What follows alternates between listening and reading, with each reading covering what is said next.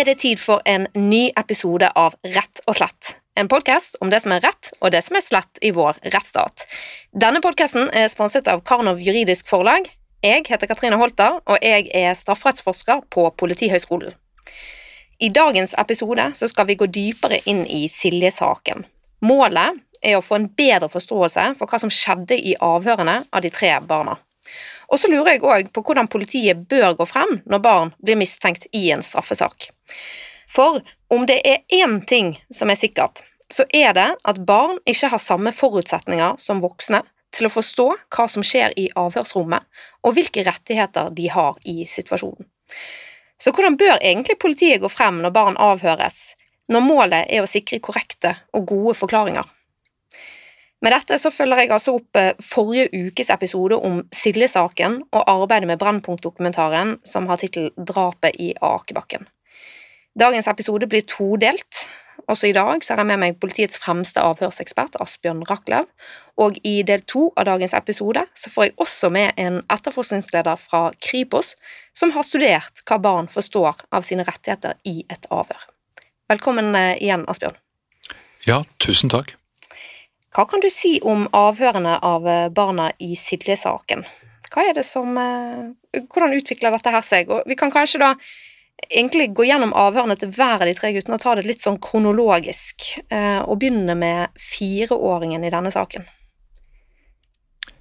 Ja, og jeg tror det er veldig viktig for lytteren å, å, å på en måte bare stoppe opp litt. Fire år, liksom. Eh, kanskje har man barn selv, eller ja.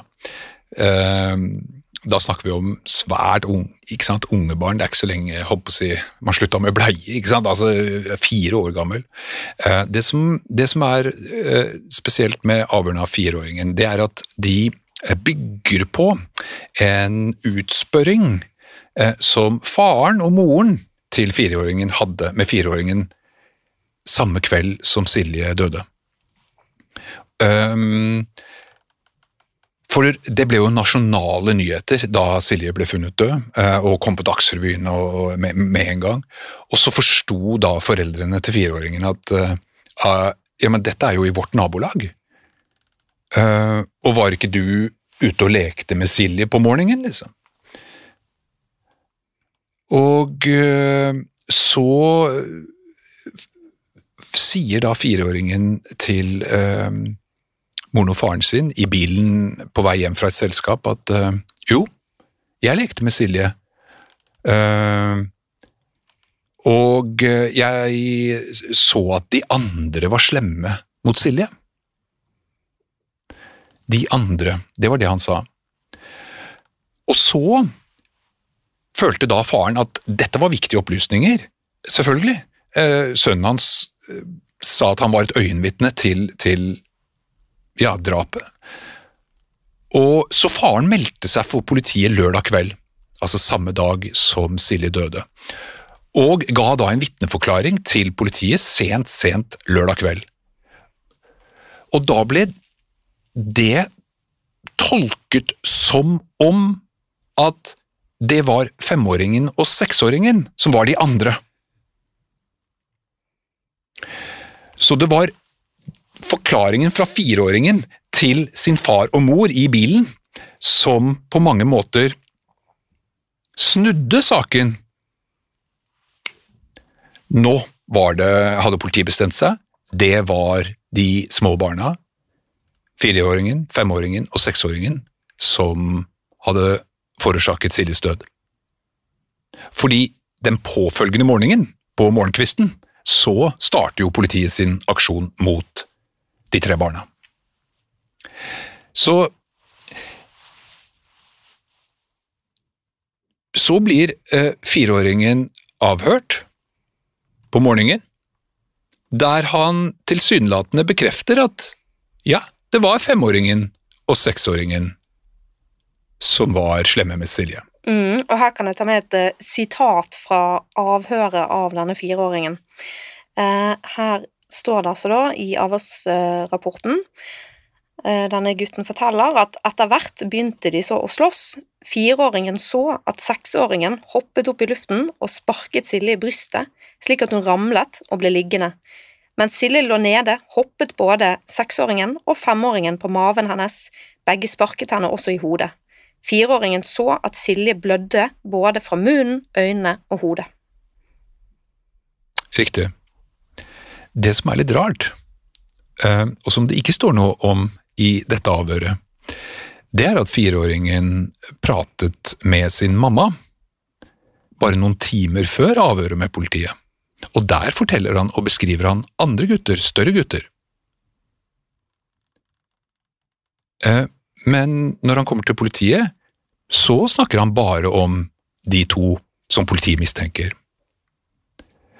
Eh, og det som er litt spesielt, det er jo at dette framgår ikke av straffesaksdokumentene før noen dager etterpå, da moren blir avhørt. Så forteller jo hun at fireåringen forteller at det var andre.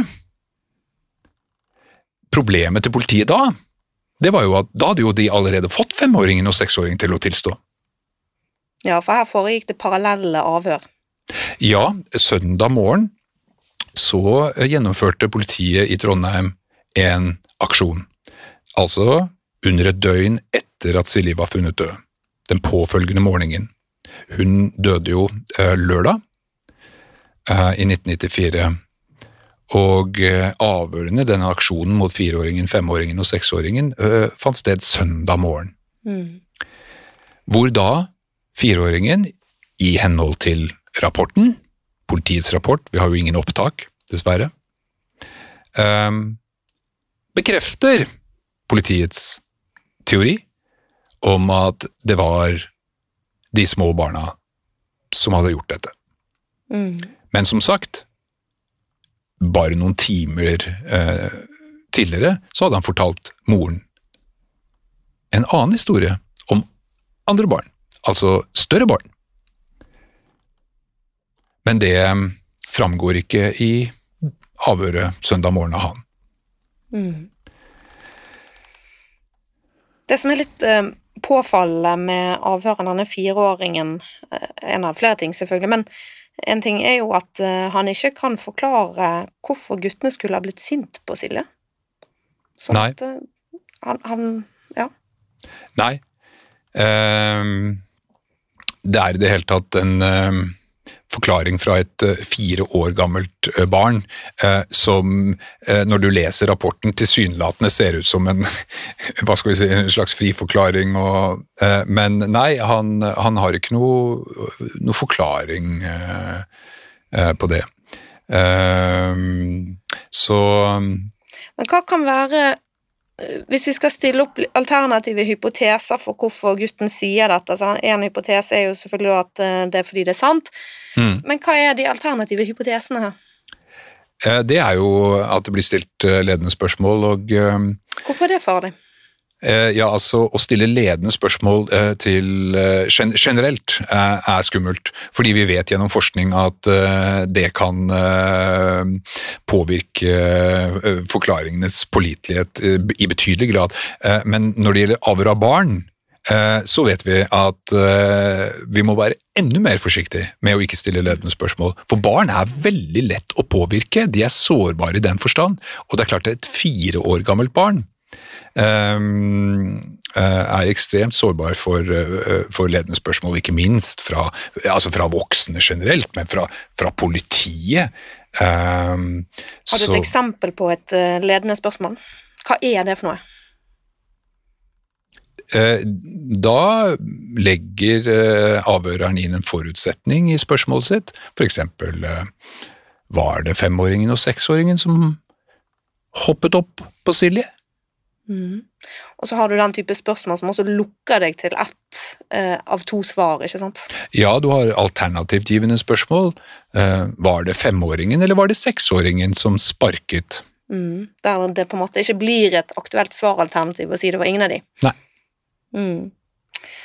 Men som sagt, dette vet vi ikke, eh, fordi det forefinnes ikke noe lydopptak fra eh, avhørene. Eh, Men eh, som sagt, det er ganske påfallende at han til sin mamma, bare noen timer før, fortalte om andre personer som var til stede og som var slem mot Silje. Men når de kommer til politiet, så nevner han tilsynelatende ikke det.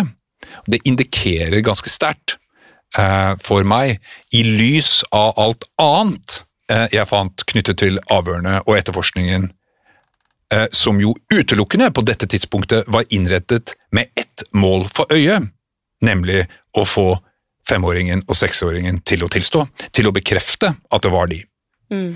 Så, så, så her må du se hele hva skal vi si, sakskomplekset i sammenheng eh, for å forstå eh, hva formålet med denne aksjonen søndag morgen var. Mm. Det var å eh, få en bekreftelse på at denne saken har vi oppklart. Det var fireåringen, femåringen og seksåringen. Mm. Og det å stille ledende spørsmål, det er jo også um, noe som vi, vi, kjenner til. Altså Hvis det er snakk om um, et potensielt fornærmet barn, og man uh, har videoopptak, og man kan se da uh, Nå tar jeg litt rollen som forsvarer altså i en straffesak, hvis du forsvarer en av foreldrene, og så kan man se at politiet nå stiller ledende spørsmål til dette barnet, så har jo forsvareren da noe å angripe i bevisvurderingen, kan man da stole på at den informasjonen som kommer frem. Så også der barnet potensielt er fornærmet, så er ledende spørsmål ganske skummelt, mm -hmm. og noe som kan gå utover rettssikkerheten til andre mennesker. Å ja, i betydelig grad. Uh, vi har hatt uh mange flere perioder i, i, si, i den moderne norske rettshistorien eh, som eh, viser med tydelighet hvor skummelt dette kan være. Eh, Bjugn-saken ja, Hva var det Bjugn-saken går ut på, bare i korte trekk? Ja, jeg, vet ikke om jeg egentlig klarer i korte trekk å, å, å forklare, men, men eh, politiet fikk jo mistanke da til at det ble begått overgrep, ikke sant? Og, og, og til slutt så endte man jo opp i en eh, situasjon der hele bygda eh, ble mistenkt. Uh, inkludert lensmannen, liksom. Uh, Nå er vi tidlig på 90-tallet, ikke sant? Ja, og, og uh, vi har jo andre epoker. Jeg husker riksadvokat Tor Aksel Busch omtalte det vel som de svarte årene, liksom, hvor, hvor norsk politi og norsk ja, eh, rettsstaten vår fikk eh, en teori eh, servert fra en, en, en, medisinsk amerikansk teori om at hvis dere finner de og de funnene i små pikers underliv, ja, så er det sikre tegn på over, overgrep. Og, og, og, denne teorien spredte seg som en farsott, iallfall over den vestlige verden. Og så undersøkte vi da samvittighetsfullt underlivene til små piker på, på, på skoler og osv og fant disse funnene. Og da var jo eh, konklusjonen var jo klart at dette barnet er eh, utsatt for seksuelt overgrep. Og da var det bare til eh, å, starte avhørene av barnet om å få det til å bekrefte at slik var det. Enten det var pappa eller onkel eller bestefar som gikk ned i dragsuget. Hvor mange eh, saker nøyaktig som ble gjenopptatt eh, der, det husker jeg ikke, men, men flere titalls. Eh, noen av de senere frifunne Eh, tok vel sågar livet sitt. Eh, eh, så, så um, um, avhør uh, av sårbare uh, barn er ekstremt uh, um, krevende. barn kan være kjempegode vitner, men det forutsetter at de som avhører dem, vet hva de gjør. Mm. bare for å underbygge problematikken og utfordringene. Vi vet jo gjennom eh, forskningen på uriktige domfellelser i USA, The Innocent Project, så vet vi at ca. en fjerdedel av de uskyldige har eh, tilstått, til tross for at de var uskyldige. bevisst senere gjennom DNA-analyser.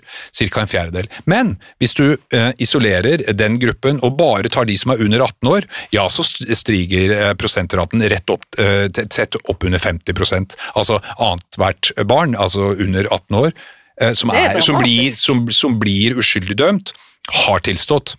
Eh, hvis du tar ytterligere eh, og eh, ser på materialet, og utelukkende ser på de som er under 16 år, ja, så har syv av ti, 70 eh, av de uskyldige dømte barna har tilstått. Så da er det den hyppigste variabelen, umiddelbare variabelen for uriktige domfellelser.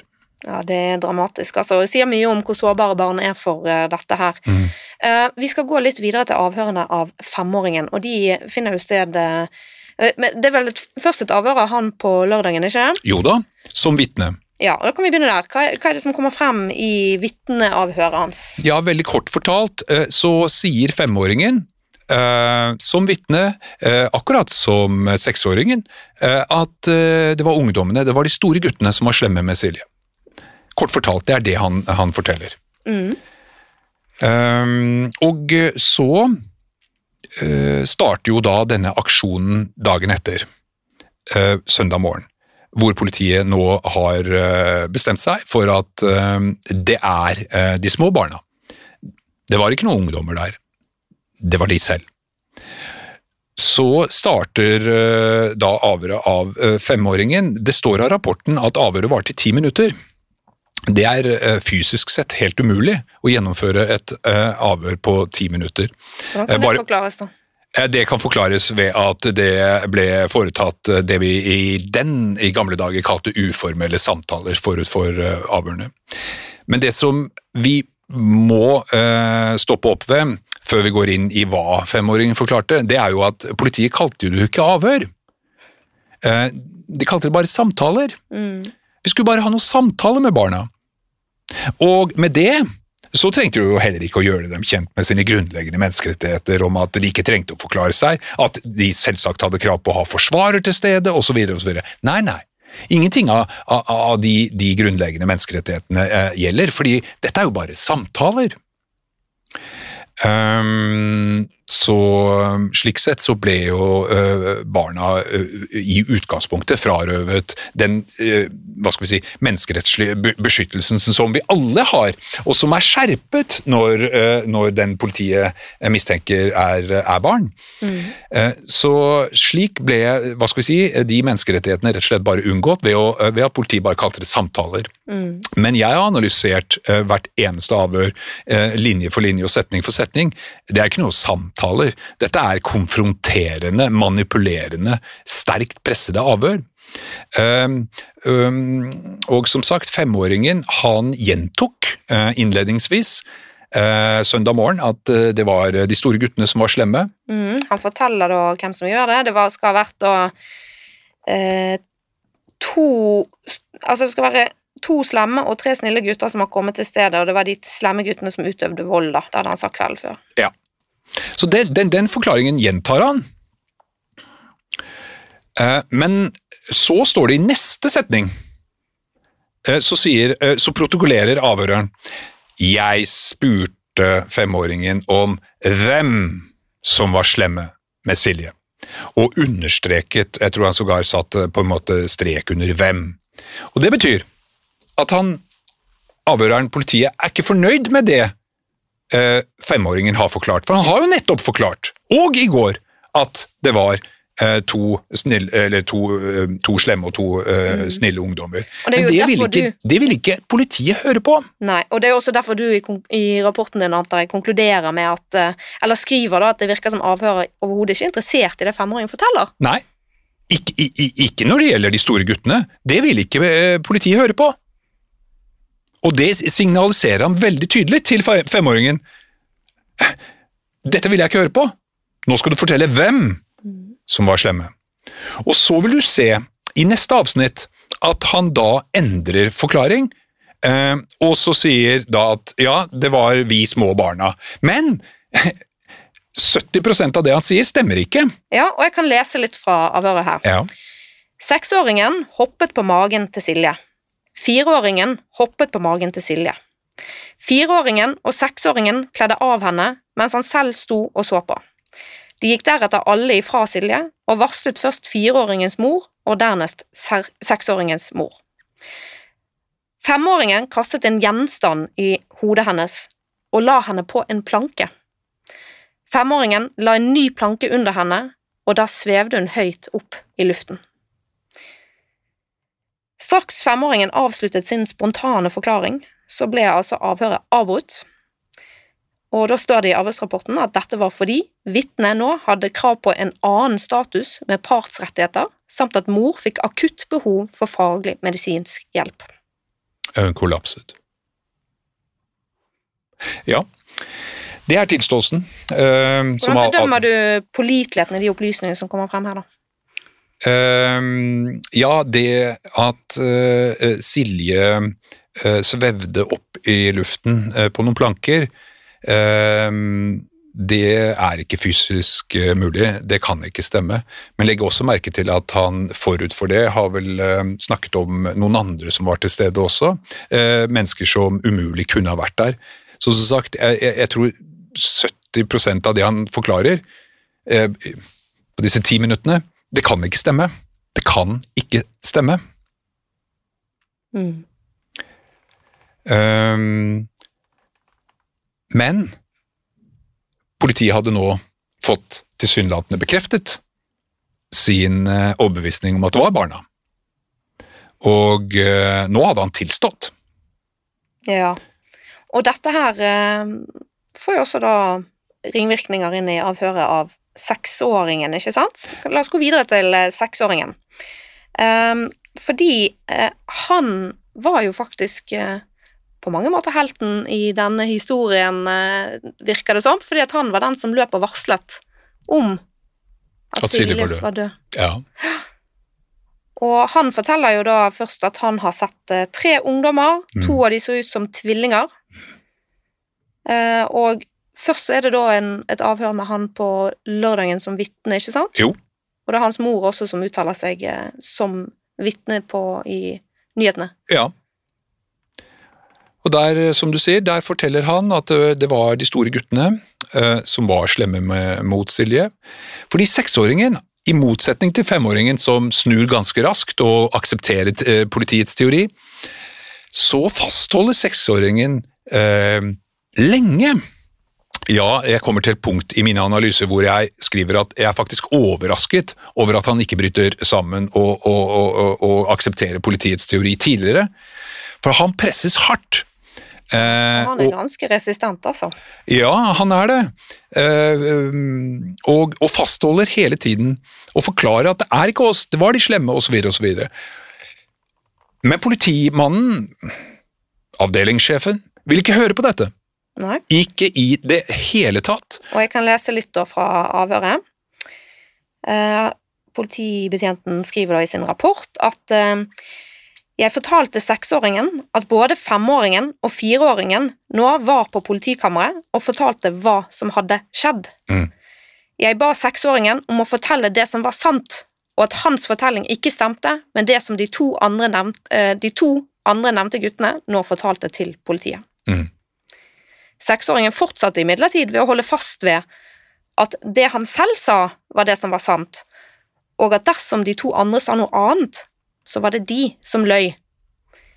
Vi snakket videre om hvor viktig det var at seksåringen snakket sant. Ja. De teknikkene som blir brukt her, eh, kjenner vi jo igjen fra f.eks. for eksempel, altså en av verdens mest omtalte falske eh, og uriktige domfølelser, Central Park-saken, der fem eh, amerikanske ungdommer eh, ble dømt eh, uskyldig. Eh, og der brukte de den teknikken hele tiden. Ja, men han har sagt sånn, han har sagt sånn, ikke sant. Og, eh, det er helt riktig. Men, men, men, men like fullt så holder seksåringen på forklaringen at nei, det var ungdommen. Vi, vi er ikke store, vi kan ikke drepe noen, øh, forklarer han. Men, men på et eller annet tidspunkt under avhøret så, så, så bryter han sammen. Ja, og før det skjer, Mm. seksåringen hadde inntil da virket opptatt av å få gjennomført sin fortelling fra i går, og da han skjønte min opplysning til ham, at både femåringen og fireåringen fortalte noe annet, endret han væremåte, og han krøp etter hvert opp i morens fang, og han gjentok og gjentok at det var ungdommene som gjorde det. I fanget til moren skal seksåringen ha forklart videre at det er i hvert fall ikke vi som har drept henne, for det er vi ikke sterke nok til. Mm. Deretter skriver politiavdelingssjefen at moren til seksåringen nå gikk aktivt inn i utspørring og sa til seksåringen mange ganger at han måtte fortelle sannheten, uten at seksåringen sa noe annet enn at det var ungdommene som gjorde det. Ja. Ehm, Det er sterk kost. ja, det, det, men det som er nitrist her, det er jo at gutten nå øh, øh, får øh, Han må søke trøst i et anker i, form, altså, i, i morens fang. For politimannen vil ikke høre på han. Og, og, og um, han bryter jo sammen også og begynner å gråte. Ja, og her skriver du i din rapport at eh, avdelingssjefen nå gjør et siste forsøk på å få seksåringen til å endre sin forklaring. Måten han gjør det på, er etter mitt syn så manipulerende at det grenser mot trusler og tvang. Mhm. Og da står det altså i avhørsrapporten Jeg bestemte meg da for å avbryte samtalen med seksåringen for å skaffe meg mer kunnskap om hva femåringen og fireåringen hadde sagt. Før jeg forlot seksåringen og moren, sa jeg til seksåringen at jeg ville komme tilbake om ikke så lenge, og da vil jeg høre nøyaktig hva som har skjedd med Silje. Mm. Ja, eh, og da får du altså beskjed eh, fra politiet at eh, det du sier nå er ikke sant, eh, og når jeg kommer tilbake så må du fortelle sant. Du må fortelle det jeg vil høre. Eh, og du vet ikke når jeg kommer tilbake, men jeg kommer tilbake. Eh, og det som er hjerteskjærende, det er jo at moren på dette tidspunktet, som veldig mange andre, eh, stoler jo på at politiet er på rett spor, og, og ønsker at gutten skal være flink.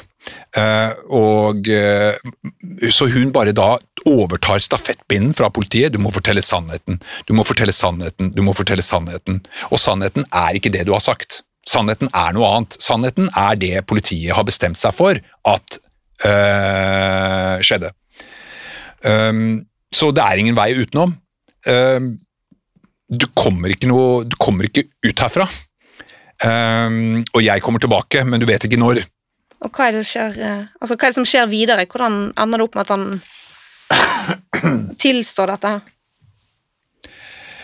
Ja, det som, som så skjer, det er at uh, politiet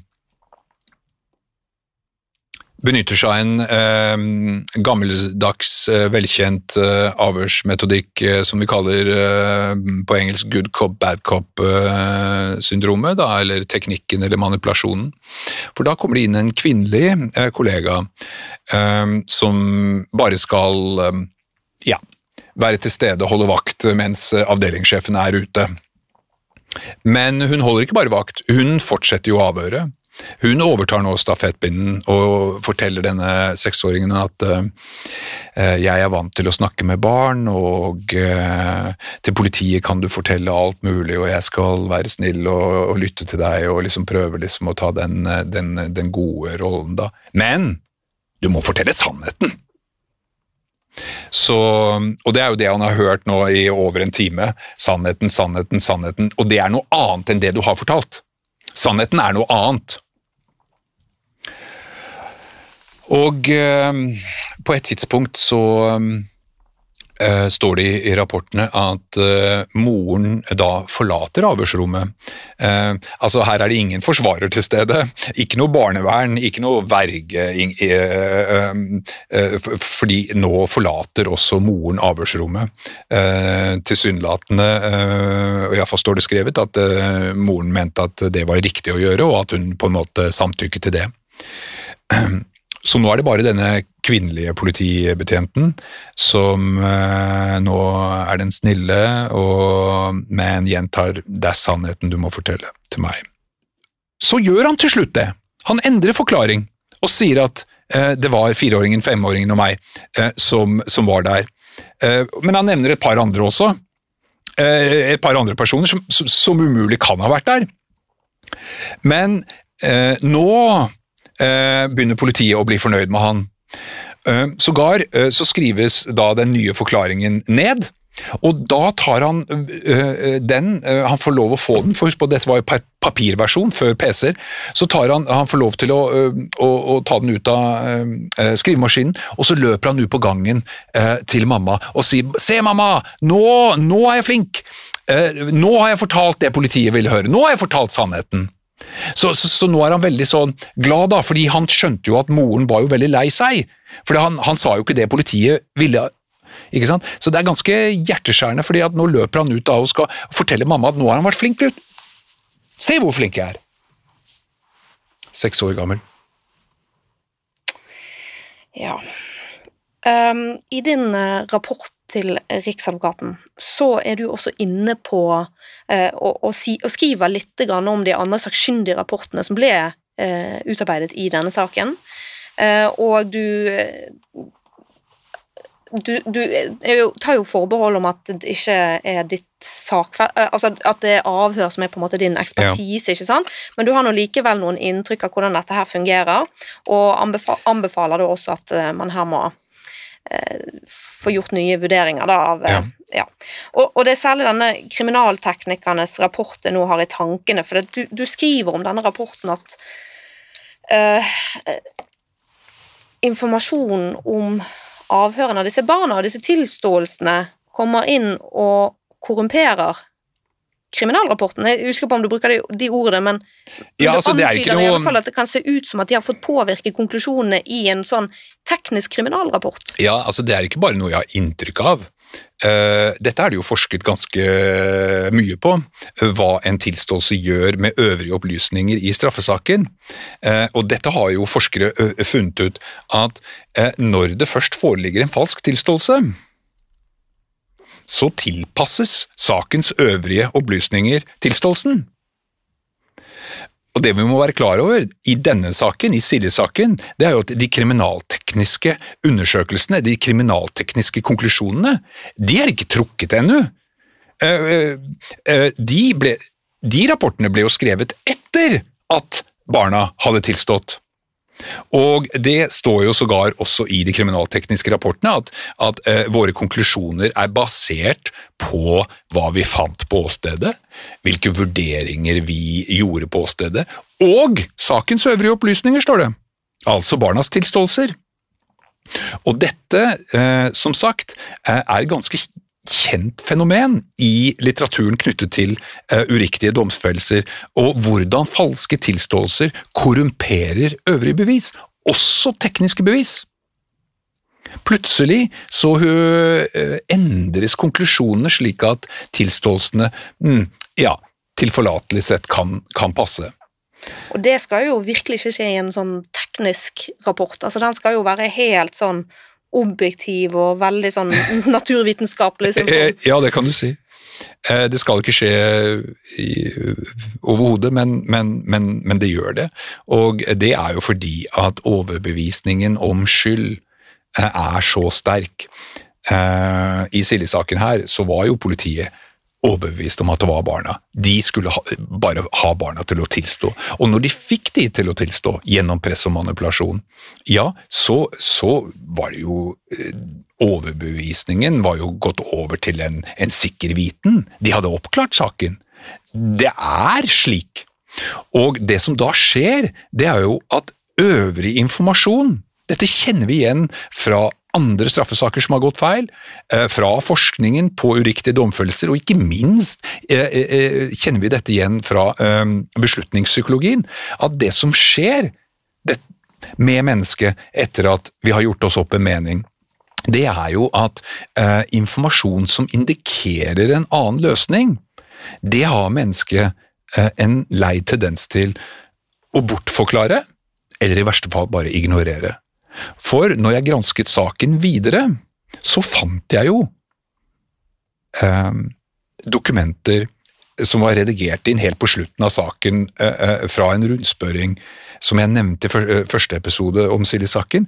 Der viste det seg jo at det var jo flere uavhengige voksne vitner som fortalte om ungdommer, større barn. Som løp fra stedet? Som løp, eh, som var, ja. Eh, en fortalte at de løp fra stedet, en annen fortalte at de var i, eh, på stedet i aktuelt tidsrom. Men i den kriminaltekniske rapporten, og jeg ser tiden løper her, men ja. kommer, jeg tenker at dette er så interessant, så dette blir en lang episode i dag, folkens. det tenker jeg at dere kanskje kan sette pris på, for da kan vi gå mer i dybden på ting.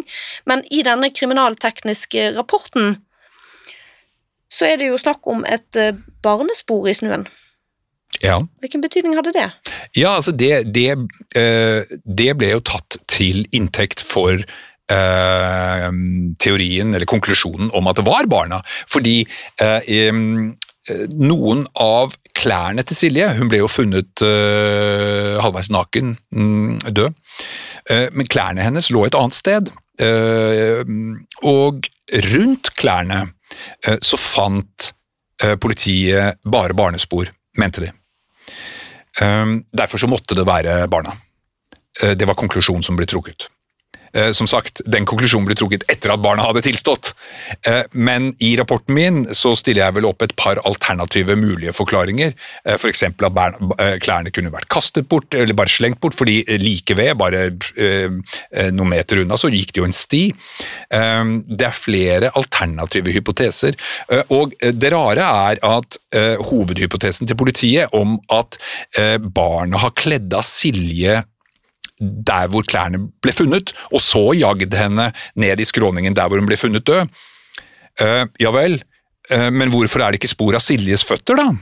Så det er flere alternative, plausible uh, mulige forklaringer som ikke ble vurdert av kriminalteknikerne mm. overhodet. Har du dannet deg noen inntrykk av hva som er alternative forklaringer?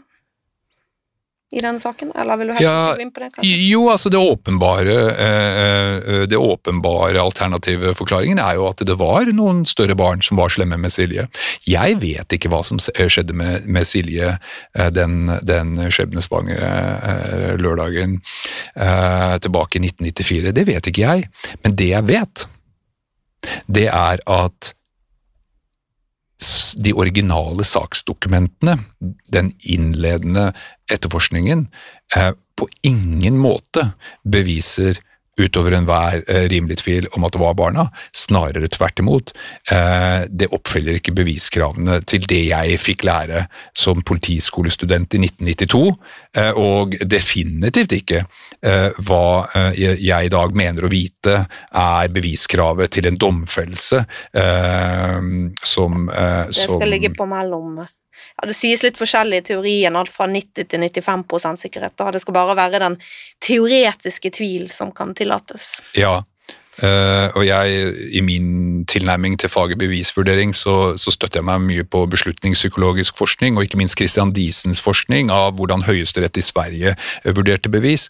Uh, og der stiller jo opp Christian Diesen stiller jo opp teoriene da knyttet til hypotesetenkning og det han kaller at vi må undersøke de alternative hypotesene, eller forsvarshypotesene som han kaller dem. Men her er ikke de engang stilt opp. De er eh, eh, og, langt mindre testet eller undersøkt. De er rett og slett bare ignorert.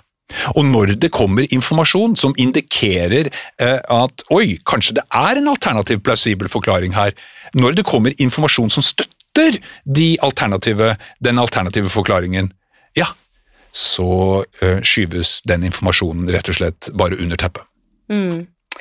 Jeg har eh, vært i kontakt med, med, politidistriktet i Trondheim og spurt dem om hvor saken står nå. Mm. Eh, de skal komme tilbake igjen til meg med en litt mer utfyllende e-post etter hvert, men jeg har fått noen opplysninger. De forteller det at eh, de er ennå ikke ferdig med etterforskningen, men det nærmer seg slutten. Barna har per i dag en mistenkt status, men de er ikke siktet i saken. Eh, og eh, politidistriktet forteller da at de har fulgt opp påtegningen fra statsadvokaten og gjennomført Altså, påtegning det er et dokument som statsadvokaten eh, sender med, med ulik informasjon mellom politi og statsadvokat, f.eks. Så kaller man det en påtegning, et sånt teknisk ord. Men det er egentlig bare et dokument, et slags brev. Og i denne påtegningen så har altså statsadvokaten bedt Trøndelag politidistrikt om å innhente ytterligere informasjon som knytter seg til flere av vitneobservasjonene i saken, om å gjennomføre en ny gjennomgang av tekniske spor, om eh, å foreta en eventuell ny gjennomgang av obduksjonsrapporten. Mm. Og eh, de er også blitt bedt om å innhente journaler fra barnevern, skole eller andre offentlige instanser som de mistenkte kan ha vært i kontakt med, og eh, de er dessuten bedt om å avhøre de mistenkte. Så det er det vi vet om prosessen nå. Eh, men eh, Asbjørn, før vi går over i del to av denne episoden, så lurer jeg på hva du tenker om politiets muligheter for å oppklare saken i dag, for den er jo gammel, og ja, det må være noen utfordringer her, tenker jeg. Ja, det er mange, mange utfordringer. Eh, men jeg vil jo aller først da understreke jeg håper å si, det positive i at eh, systemet, eh, politi, påtalemyndighet, nå har snudd seg rundt og faktisk gjenopptatt etterforskningen. Ja, det er kjempebra. Så her må vi også huske på at de som jobber der i dag, er jo ikke de som Nei, nei. var involvert den gangen. Nei, nei, og de som jobbet den gangen hadde jo ikke kunnskap om beslutningspsykologi eller avhørsmetodikk eller noe vitnepsykologi overhodet. Så det er klart det at øh, øh, men, men, men politiet, systemet vårt, har tatt dokumentaren, den kritiske rapporten min og andre sakkyndige bidrag inn i Sirre-saken, tatt de alvorlig og, og, og gjenopptatt etterforskningen. Men Kripos ønsket jo ikke det først, altså Kolkis-gruppen?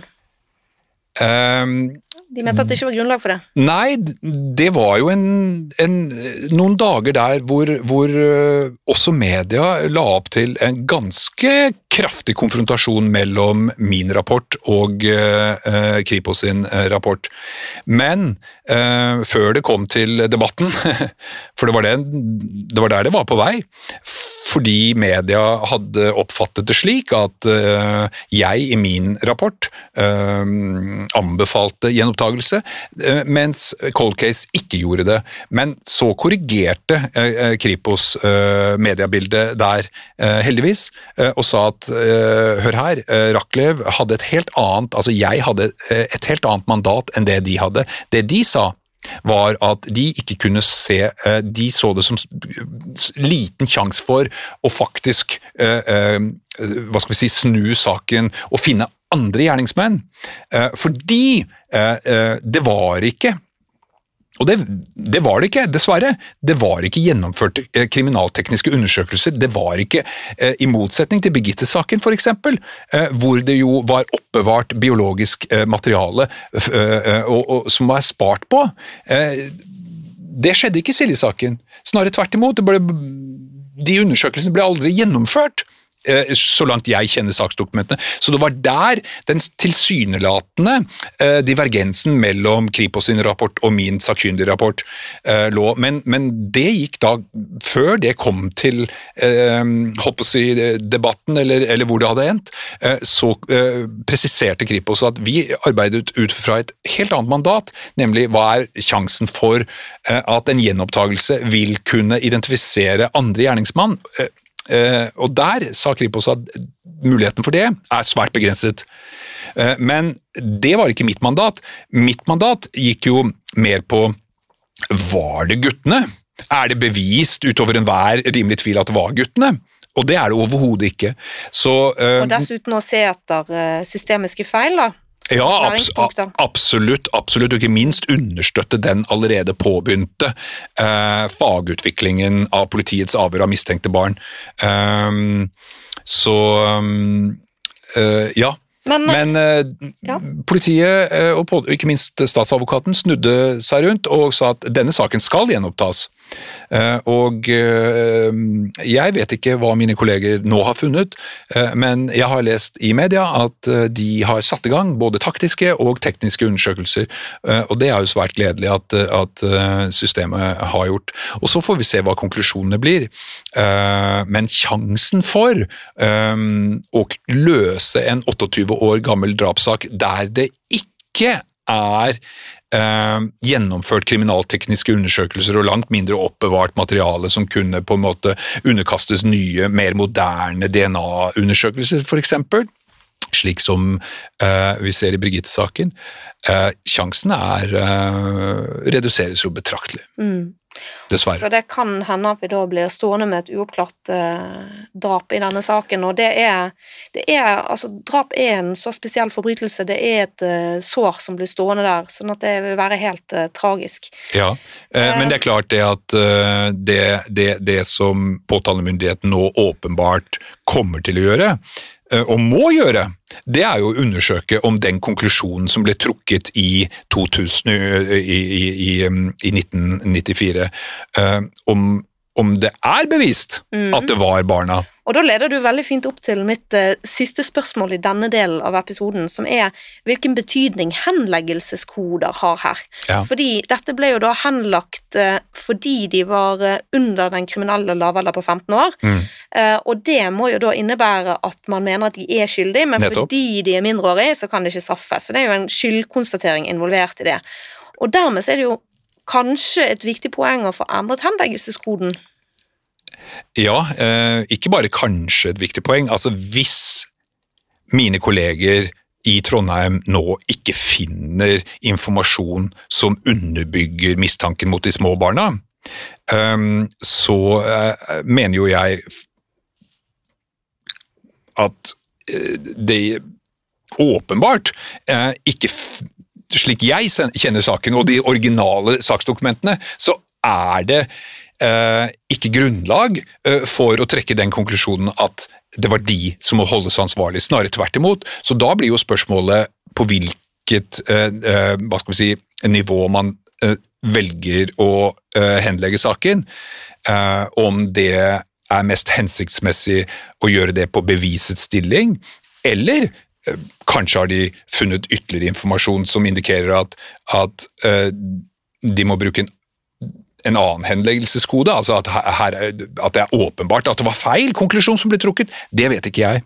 Men det er klart det at for de barna eh, som har levd med dette hele sitt liv, og de konsekvensene det har fått for deres liv, um, som vi snakket om i forrige episode, så ble jo barnevernet koblet inn, og, og, og det ble anrettet en uh, form for terapi der barna skulle eh, eh, hjelpes med å ta inn over seg skyldfølelsen. Mm.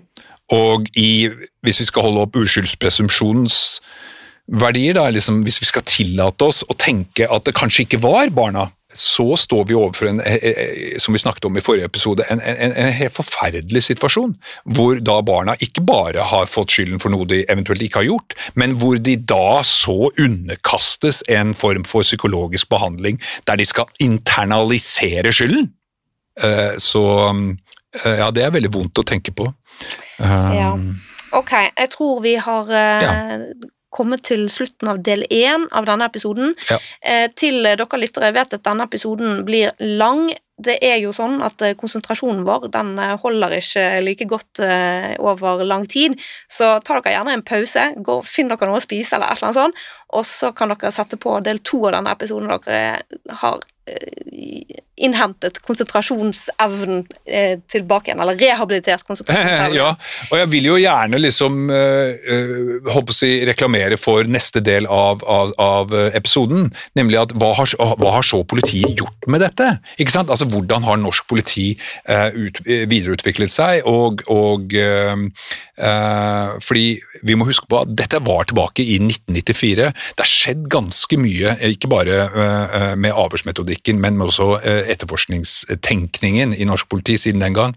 Og vi har også eh, hatt forskning på eh, eh, avhør av mistenkte barn. Eh, så ja. Mm. Så kom gjerne tilbake igjen etter pausen.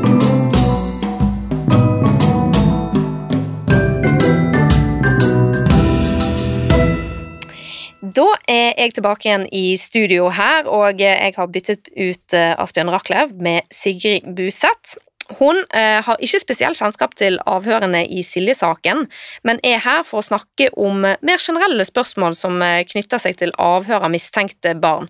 Sigrid er etterforskningsleder i Kripos, og i hennes masteroppgave fra Politihøgskolen så gjennomførte hun en undersøkelse av hvordan barn på 15 år egentlig oppfatter sine rettigheter som mistenkt i en avhørssituasjon. Jeg ble oppmerksom på Sigrid sitt eh, arbeid etter at hun presenterte dette her på Politihøgskolens årlige forskningskonferanse for noen uker siden. Sigrid er for tiden også med i en arbeidsgruppe som jobber med å utvikle nye retningslinjer for avhør av mistenkte barn. Velkommen til Rett og slett, Sigrid. Takk skal du ha. Helt generelt, hvordan bør mistenkte barn avhøres? Mistenkte barn bør avhøres på en måte som ivaretar rettssikkerheten deres, og de må få rettighetene sine på en måte sånn at de forstår dem og kan ta stilling til dem på det grunnlaget. Mm. og i rapporten til Aspen Rachlew, som vi har vært mye inne på nå i for tidligere i episoden, så skriver han at det har skjedd mye rundt fornærmede barn, eh, mens mistenkte barn ikke har fått den samme omtanken. Blir barn som er mistenkt, forskjellsbehandlet fra barn som er fornærmet? Ja, som eh, det er nevnt, så har jo fornærma barn eh, hatt et fokus fra Bjugn-saken på midten av 90-tallet og man eh, har ivaretatt eh, deres sårbarhet. Eh, de blir nå avhørt på barnehus. De har en forskrift som sier hvordan de skal avhøres. De som skal ta avhør av fornærma barn, skal ha tilleggsutdannelse fra Politihøgskolen. Og på barnehuset finnes det også barnefaglig kompetanse som er med på å støtte opp under de fornærma barna og ikke minst støtte opp under eh, de som tar avhør av disse barna. Mm. Men når det kommer til eh, mistenkte barn versus avhør av fornærmede barn, er det noen ulike hensyn som gjør seg gjeldende, eller kan man avhøre på samme måte? Det er jo flere ting som gjør at dette er eh, forskjellig. For det første så blir fornærma barn, de blir jo avhørt i et Eller avhøret deres er et bevisopptak. Eh, som skal vises i retten, sånn at eh, de ja, skal ikke skal møte retten. Å møte, sant? Ja. ja. Derfor så er det noe som heter kontradiksjon, eh, sånn at den som har, er mistenkt i en sak, den skal få mulighet til å, å gjendrive de påstandene som har kommet. Altså, derfor så må forsvarer gjerne få vite om det avhøret som er tatt av et fornærma barn, og at man må ha mulighet til å ta et nytt avhør, et supplerende avhør av det fornærma barnet. Mm. For da er det dette avhøret som skal vises i retten. Og da vil forsvarer få muligheten til å sende inn tilleggsspørsmål som, eh, som man da på barnehuset skal stille til barnet, sant? Ja. Og det blir ofte gjort i et supplerende avhør senere, altså et uh, nytt avhør av det fornærma barnet. Sånn er det ikke med mistenkte barn. Mistenkte barn uh, de kan jo ikke straffes hvis de er under 15 år, så da kommer ikke saken til retten i det hele tatt. Hvis uh, saken deres kommer til retten, de er over 15 år, så må de møte sjøl i retten, og da er det det de forklarer i retten som, som blir deres forklaring i saken, da. Mm. Uh, og så er det jo sånn at uh, mistenkte barn har litt andre rettigheter enn fornærmede barn, blant annet knyttet til at ikke de trenger å forklare seg. Ja, og det er jo en stor forskjell, fordi at uh, når man skal avhøre et fornærma barn kontra et mistenkt barn, så har fornærma barn ofte forklaringsplikt, fordi at man ønsker å finne ut om de er kanskje utsatt for vold eller overgrep, som man ønsker å få stoppa, man ønsker å beskytte barnet. Derfor så har de en plikt til å forklare seg eh, fram til de er 15 år i saker som gjelder seksuelle overgrep eller vold i nære relasjoner, ellers er det opp, eh, under 12 år. Sånn er det jo ikke med mistenkte barn. De har jo ikke plikt til å forklare seg i det hele tatt. De har jo en rett til å la være å si noe som helst hvis de ikke ønsker det sjøl, fordi at deres forklaring da kan bidra til at de får en domfellelse. Mm.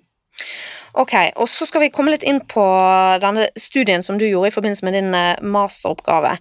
Um, og den handler jo da altså om hva mistenkte barn på 15 år har, eh, forstår av sine rettigheter når dette blir opplest, opplest, i et avhør.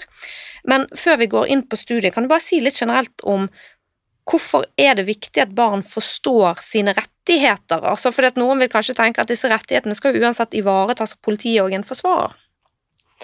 Ja, men for at de skal ta stilling til om de f.eks. ønsker å forklare seg, ønsker å ha en forsvarer til stede, eh, og om de skal ta stilling til om um, ja, de skal bidra til sin egen domfellelse hvis de har gjort noe da, som kan være straffbart, mm. uh, så skal de forstå hva det innebærer. Og det er en Kan de på en måte samtykke til, ikke sant? Ja, ikke sant. Mm. Og det er en veldig Det er en rett som står veldig sterkt i Norge, og mm. internasjonalt også i veldig mange land. Mm. mm. Eh, hvordan gikk du frem for å undersøke hva mistenkte barn forstår av sine rettigheter? Jo, jeg tok 15-åringer, eh, for de er eh, over den strafferettslig lavalder, sånn at eh, hvis de har gjort noe, så vil de få en straff. Derfor så valgte jeg 15 år som alder. Så eh, eh, fikk jeg tak i seks gutter, fire jenter, som var 15 år, og som eh, hadde sagt ja til å komme til en undersøkelse. Så kom det var en kvalitativ undersøkelse, ikke sant? Altså ikke en kvantitativ, man går inn i kvalitetsundersøkelser istedenfor å se på mengde. Ja, fordi at eh, med å intervjue disse i en kvalitativ undersøkelse, så kunne jeg få liksom stille litt oppfølgingsspørsmål. Hva var det de mente med det svaret og sånn? Det får du jo ikke gjort hvis du bare sender ut et spørreskjema, eksempel. Mm. Eh, så kom de til denne undersøkelsen, og så satte jeg de da inn i en eh, slags case, der de fikk vite at de var en 15-åring som hadde begynt å chatte på Snapchat, eller sendt meldinger på Snapchat til en 13-åring, blitt kjent med en 13-åring, og så hadde denne 13-åringen sendt litt seksualiserte bilder og videoer til, til dem. Og det syntes de var litt sånn kleint, men også litt uh, kult, så de hadde sendt videre et av disse bildene til en kompis. Og nå var de innkalt på, til politiet og skulle avhøres, og de fikk vite at politiet etterforska en sak Eh, om deling av seksualiserte bilder på nett. Så tok jeg barnet inn i et avhørsrom til en politimann som ikke var meg da, en eh, i 50-årene, godt voksen mann, um, som skulle ta et oppstart av dette mistenkte avhøret med de, og ga de de rettighetene de har krav på i, som mistenkt. Og for å eh, finne ut hvordan han skulle si disse rettighetene på, Eh, så hadde jeg eh, tatt eh, utgangspunkt i åtte reelle avhør, og sett på hvordan avhøret i disse åtte avhørene presenterte avhør, nei, rettighetene til den mistenkte, og så hadde jeg tatt det beste ut av det og lagd en mal til den politimannen. Så da ga han disse rettighetene til det mistenkte barnet, de ble spurt om de hadde noen, eh, spørsmål til det, om de forsto de, og før de gikk ut av det avhørsrommet, så hadde alle sagt at de forsto rettighetene sine. Og så kom de tilbake til meg, og så intervjuet jeg de om ja, litt begreper som de hadde fått i avhørsrommet, og hvordan de forsto rettighetene sine. Hva er det typisk de blir fortalt, da? Hvordan, hvordan høres det ut? Eh, det høres ut sånn at eh, eh Politiet etterforsker en sak, blir gjort kjent med saken, politiet etterforsker en sak, du har status som mistenkt i denne saken, og skal ha delt et seksualisert bilde av et barn.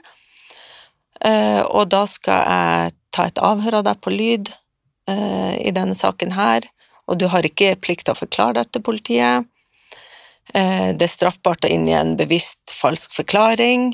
Eh, i den hensikt å pådra en annen person en siktelse for en straffbar eh, handling de ikke har gjort, eh, og rett til å la deg bistå av forsvarer etter eget valg på ethvert trinn av saken, også i avhøret her, og så blir de spurt om de har ønske om det. Og så er det det med strafferabatt, som også er en ganske lang regle å, å forklare det at dersom de tilstår det politiet tenker at de har gjort, så skal de få lavere straff. Og så blir de eh, spurt om det er noe de lurer på, og, og spurt om de ønsker å forklare seg, og at eh, de da blir oppfordra til å snakke sant. Mm. Mm. Var det noen som takket ja til forsvarer? Ingen av de eh, 10-15-åringene takka ja til forsvarer i avhøret, nei. Interessant. Mm. Ok, og hva var det de hadde forstått, da? Eller hvordan oppfattet de det? Eh, nå skal det jo sies at mange forsto veldig mye. Dette var jo ungdommer som eh, eh, hadde det trygt og godt. Ingen av de hadde vært i politiavhør før. Eh, alle utenom én bodde sammen med begge foreldrene sine. Ingen av de hadde noe eh, kognitive utfordringer eller tilleggsbelastninger som jeg visste om, så de her var veldig oppegående eh, og tilsynelatende problemfrie 15-åringer. Mange forsto en god del, men Man eh, kan bare si at det er faktisk litt kan være litt utypisk i disse situasjonene fra virkeligheten. Ikke sant, fordi at det viser seg jo at eh, barn som er i strafferettssystemet som mistenkt, de har ofte tilleggsbelastninger. Eh, som kanskje kan være årsaken til at de har havna i en sånn situasjon også. Mm. Så da kan vi ha med oss at eh, det som du har kommet frem til, det er noe i det er i hvert fall trygt innenfor det vi kan si at nok er virkelig sånn ut fra logisk tenkning, da. Ja. Mm. Og da tenker jeg også at hvis det var noen av disse eh, barna som jeg hadde i min undersøkelse, hvis det var noe de ikke forsto, så kan man jo gå ut ifra at det er mange der ute som heller ikke forstår det. Eh, og det var mye de ikke, som viste seg at de ikke forsto, men eh, noen ville ikke innrømme at de ikke forsto det først, og Mm. andre skjønte heller ikke sjøl at de ikke hadde forstått. Og da er det jo ikke lett for den eh, politimannen eller dama som sitter i avhøret med en, et barn, å vite at barnet ikke forstår. Mm. Og hvilke rettigheter var det de misforsto, da? Eh, Det med forsvarer, for eksempel, eh, var det mange som ikke forsto hva var. De Det er er ikke, interessant. ja, de visste ikke hva skulle denne forsvareren gjøre for de der. Det ville jeg nesten tenke at man forsto fordi man har sett så mye på TV eller amerikansk film, eller Ja, ikke sant. Og ja, en, eh, et barn sa da jeg spurte om eh, det ville hatt forsvarer, så, så sier barnet eh, kanskje ikke på akkurat det, og bare forklare hva som hadde skjedd. Det tror jeg hadde gått fint, men hvis jeg skulle blitt stilt, stilt mye spørsmål eller sånne ting, så kanskje, mm. og så videre. Men det var ikke så veldig Det var alvorlig, men det var ikke sånn at jeg trengte noen som kunne forsvare meg, for jeg hadde gjort noe galt. Ikke Mm. sant? Så, så de visste ikke, og en annen som sier at jeg visste ikke helt om jeg hadde trengt det. Så det viser at selv om de får vite at de har rett til en forsvarer, så forstår de ikke hvorfor, hvorfor trenger de å ha en forsvarer til stede. Det er veldig interessant. Mm. Og en annen ting som, er, som flere ikke skjønte helt, det var det at de ikke trengte å, å forklare seg sant, eller at det var straffbart for de å lyge. Mm. Eh, Det er det jo da ikke for de som er mistenkt. De kan lyge så mye de vil uten at det er straffbart. Ja. Så lenge de ikke påfører andre uriktig straff. Ja. Viktig presisering. Eh, og da kan jeg lese opp et par sitater som har med det å, å snakke sant og det at man ikke har plikt til å forklare seg. Og da spør jeg et, et barn her, men tenker du at du måtte snakke sant i det avhøret? Så sier barnet, siden han sier jo at jeg ikke skal lyve først, og så sier han at jeg blir oppfordret til å snakke sant, så ja. Hm. For det, her er det mange rettigheter som bare kommer den ene etter den andre, og det er vanskelig å sortere ut hva betyr det egentlig. Mm. Og med ganske juridiske ord òg. Mm. Eh, og så er det et barn som blir spurt om hvorfor er det sånn at man ikke har plikt til å forklare seg, spør jeg da. Og så sier eh, barnet fordi forklarer man seg, så blir saken mer komplisert. Man gir også mistenkte flere sjanser til å lyve, og ja, gjør saken for å komplisere det, egentlig. Ja- og nei-spørsmål duger, du, du trenger ikke å forklare deg. Det som har skjedd, har skjedd. Det er ikke noen grunn til å si at det skjedde fordi at det har skjedd, og så ja. Mm. Så derfor så, det med å, å bruke forklar, du har ikke plikt til å forklare det. Hva innebærer det egentlig for dette barnet? Hva er det de forstår av det? Mm. Og det handler jo om at man ikke skal måtte bidra til sin egen domfellelse, som igjen går på equality of arms, ikke sant, at du blir møtt av hele statens maktapparat mot bare deg, så det er liksom det minste rettigheten man kan ha, da. Mm. Flere opplyste jo også at de var ganske stressa, at de ville tro at hvis de hadde vært i et reelt avhør, så ville de vært eh, enda mer stressa. Og, eh, og noen ønska også å ikke avsløre at de ikke forsto. Eh, og da er det et eh, barn jeg spør om eh, Er det noe du tenker at han politimannen kunne ha gjort annerledes for at det hadde blitt bedre for deg? Eh, og så sier barnet Han kunne jo for eksempel siden han gikk jo litt sånn fort gjennom punktene, han kunne kanskje sagt litt mer detaljert om hva det mentes, kanskje. Og så sier de videre, siden når det er på lydopptak, så tror jeg ikke man tør liksom å spørre om hva det er. Man vil jo liksom på en måte være ordentlig og skikkelig voksen og sånn, så man stopper jo ikke opp og liksom, ok, hva er det? Så denne, dette barnet sier at det skjønte jo ikke helt det med for eksempel forsvarer. Mm. Og det å innrømme at man ikke skjønner noe, det er jo også noe som kan være vanskelig for voksne, så det forstår jeg veldig godt. Ja, absolutt. Og, og det her er jo 15 år gamle barn, og man tenker jo at, at det er store barn. Eh, men de er jo barn Mm. fortsatt.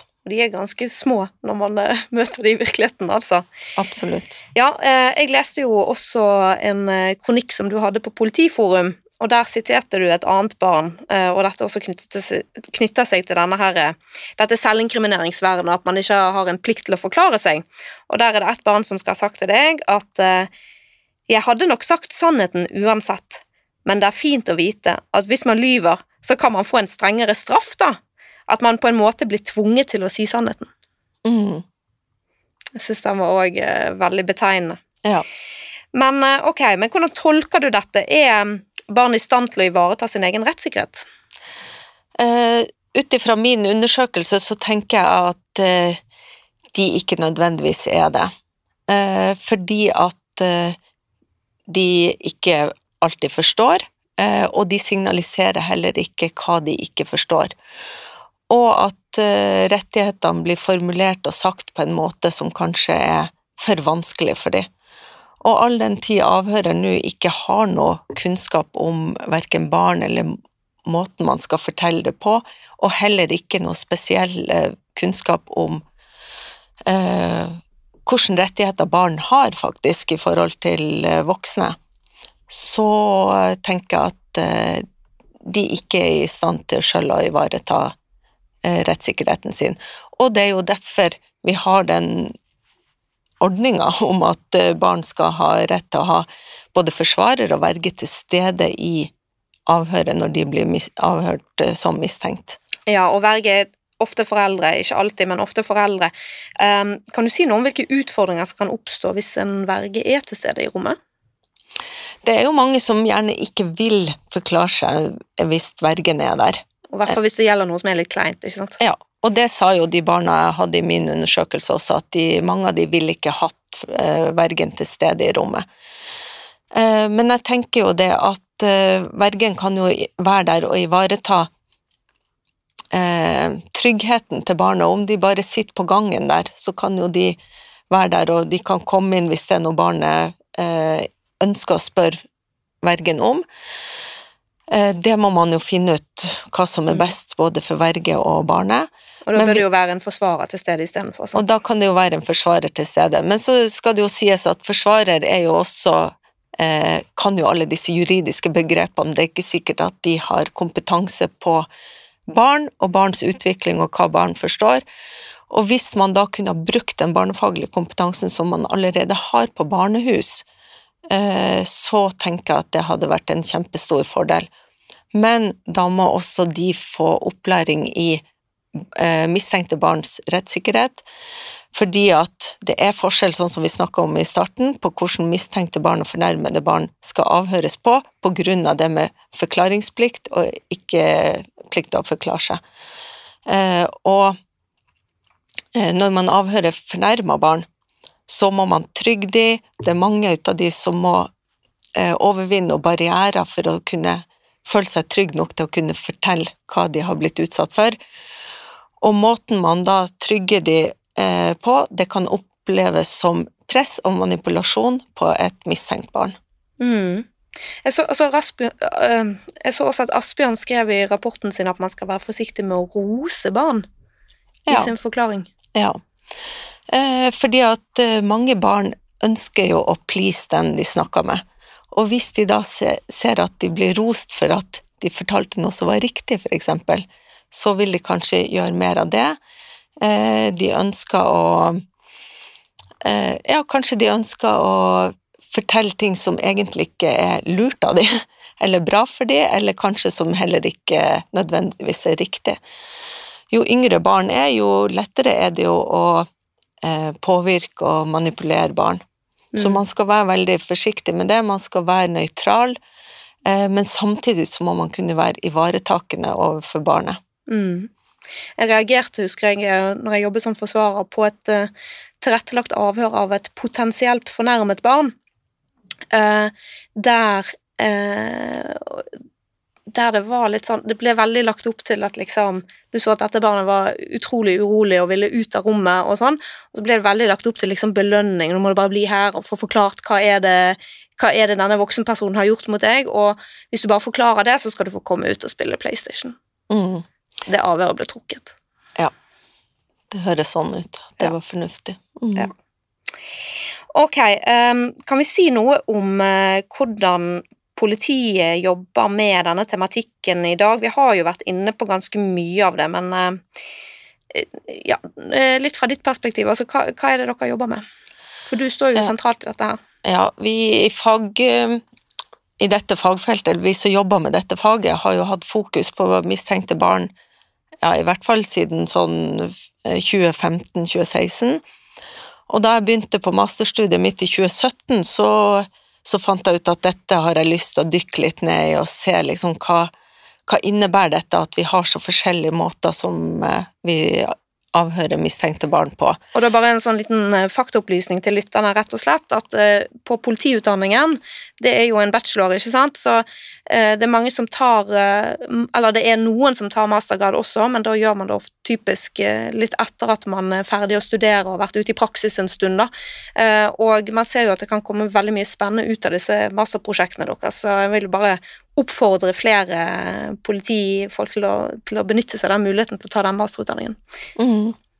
Ja, eh, og da, som sagt, så begynte jeg å dykke litt ned i dette. Eh, og samtidig så har jo flere fått øynene opp at eh, det her må vi gjøre noe med, og det har jo vært fokus på det både fra Riksadvokaten, media og politiet sjøl. Så nå var jo, har vi jo en obligatorisk årlig opplæring i politiet for etterforskere, etterforskningsledere, påtaleansvarlig i alle politidistrikt. Og i fjor så ble avhør av mistenkte barn et av hovedtemaene i denne obligatoriske årlige opplæringa. Det vil si at alle har fått en gjennomgang av regelverket og, hvordan, eh, og litt eh, om barns sårbarhetsfaktorer for å kunne ivareta rettssikkerheten til mistenkte barn bedre. Så har vi også eh, på oppdrag fra POD og Riksadvokaten satt i gang arbeidet med å lage retningslinjer for avhør av mistenkte barn og andre sårbare mistenkte, eh, som jeg håper at kommer på plass eh, om ikke altfor lenge. Mm. Eh, og jeg vil bare applaudere hele dette her eh, mastergradsprosjektet ditt og denne studien eh, og det arbeidet dere gjør. Jeg tror det her er utrolig viktig. Jeg har et siste spørsmål nå før vi skal avslutte. Altså, fordi at det er også ganske mye det er et begrep man hører, da. Det er disse bekymringssamtalene. Og de er jo nettopp ikke avhør, men det er noe som man gjør, eller politiet gjør, i forbindelse med forebyggende arbeid. Eh, og det faller da ikke innenfor straffesporet. Um, hva tenker du om eh, disse bekymringssamtalene? Er det, er det noe dere ser på i dette arbeidet med avhør av barn? Det er ikke noe vi ser på i det arbeidet, fordi at det som du sier, det er noe helt annet.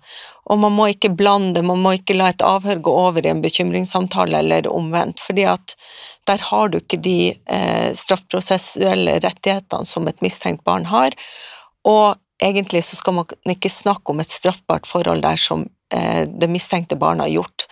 Det finnes egne eh, Ja, for hva er formålet med en bekymringssamtale? Formålet med en bekymringssamtale det er jo mer å, å se hvilken vei skal barnet gå nå, hva, hva er lurt for barnet å, å, å ikke gjøre, eller gjøre og ikke gjøre eh, Mm, videre. Og det har ikke noe med straffesaken å gjøre, og det skal det heller ikke ha. mm, Så det er ikke noe vi jobber med i retningslinjene for avhør av mistenkte barn og andre sårbare mistenkte. Så det er egentlig veldig viktig å opprettholde at dette skal være to helt ulike typer samtaler.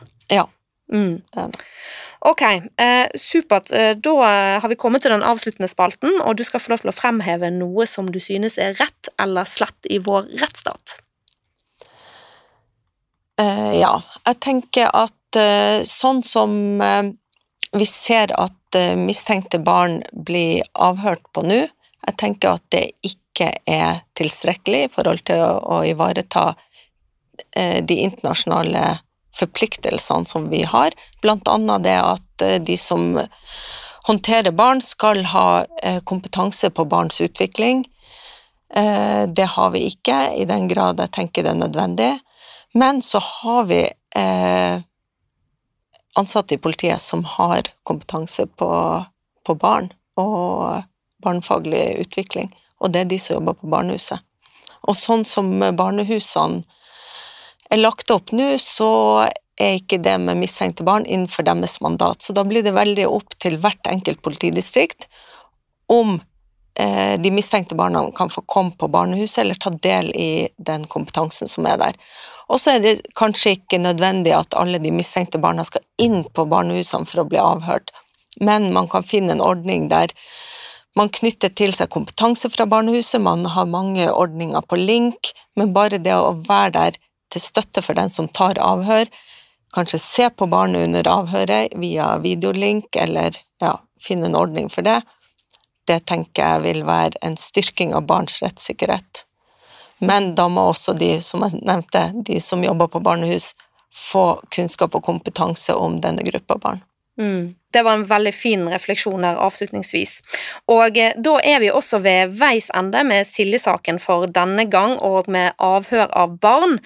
Tusen takk til Sigrid som stilte opp i studio i dag, og til Asbjørn som løp av gårde i sted. Og til dere som lytter der hjemme, så vil jeg bare si at det har vært en glede å snakke med, eller det blir vel snarere å snakke til eh, dere i denne og i etter hvert ganske mange andre episoder det siste halvåret i denne podkasten. Jeg tar gledelig imot tilbakemeldinger og andre hilsener fra dere, og de kan f.eks. sendes til Instagram-profilen til podkasten Rett og slett. Nå er det sommer, og siden det er mye arbeid å lage podkast, så trenger nok jeg en lang og god sommerferie nå. Kanskje ser noen av dere meg på Arendalsuken, det er i så fall veldig kjekt hvis dere kommer bort og sier hei. Dere finner meg på flere av arrangementene til Advokatforeningen, og der kommer det også mye interessant på programmet. Vi høres, kanskje i august, men i alle fall i september. Ha en fantastisk sommer, alle sammen.